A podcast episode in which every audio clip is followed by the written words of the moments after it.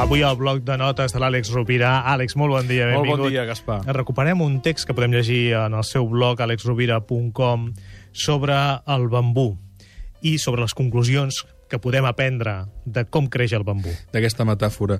Uh, aquest és un breu relat que ja vaig incloure fa, fa ja 12 anys a la brújula interior.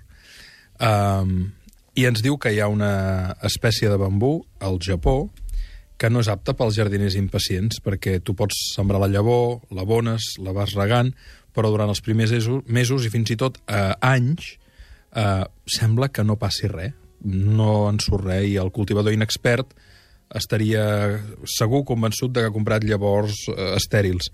Però, de sobte, el, el bambú comença a créixer, i en un dia pot créixer molts metres. I jo això ho he viscut, ho he vist, el creixement d'un bambú al llarg d'un dia. Um, és espectacular. Aquesta metàfora és interessant perquè ens, ens, ens porta a moltes reflexions, però una d'elles seria que cal un creixement interior abans de que es manifesti un creixement exterior.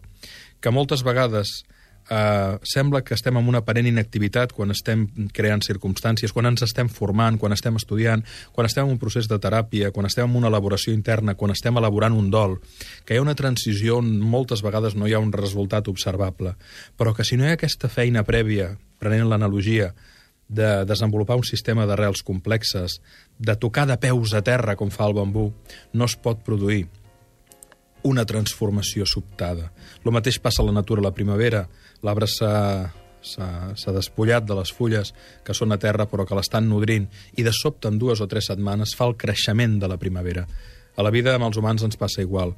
Moltes vegades cal un desenvolupament important que sostingui el creixement ulterior, perquè un creixement sense desenvolupament acaba amb una situació molt problemàtica. Per exemple, la crisi econòmica que ha tingut Espanya es va produir per un aparent, un aparent creixement econòmic sense unes bases ètiques que el sostinguessin. I això ens ha passat.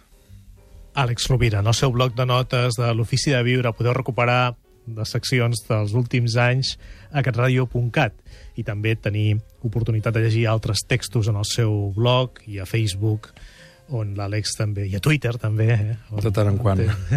Moltes gràcies, Molt Àlex. bé, Gaspar, Una moltíssimes abraçada. gràcies. Una abraçada a tots.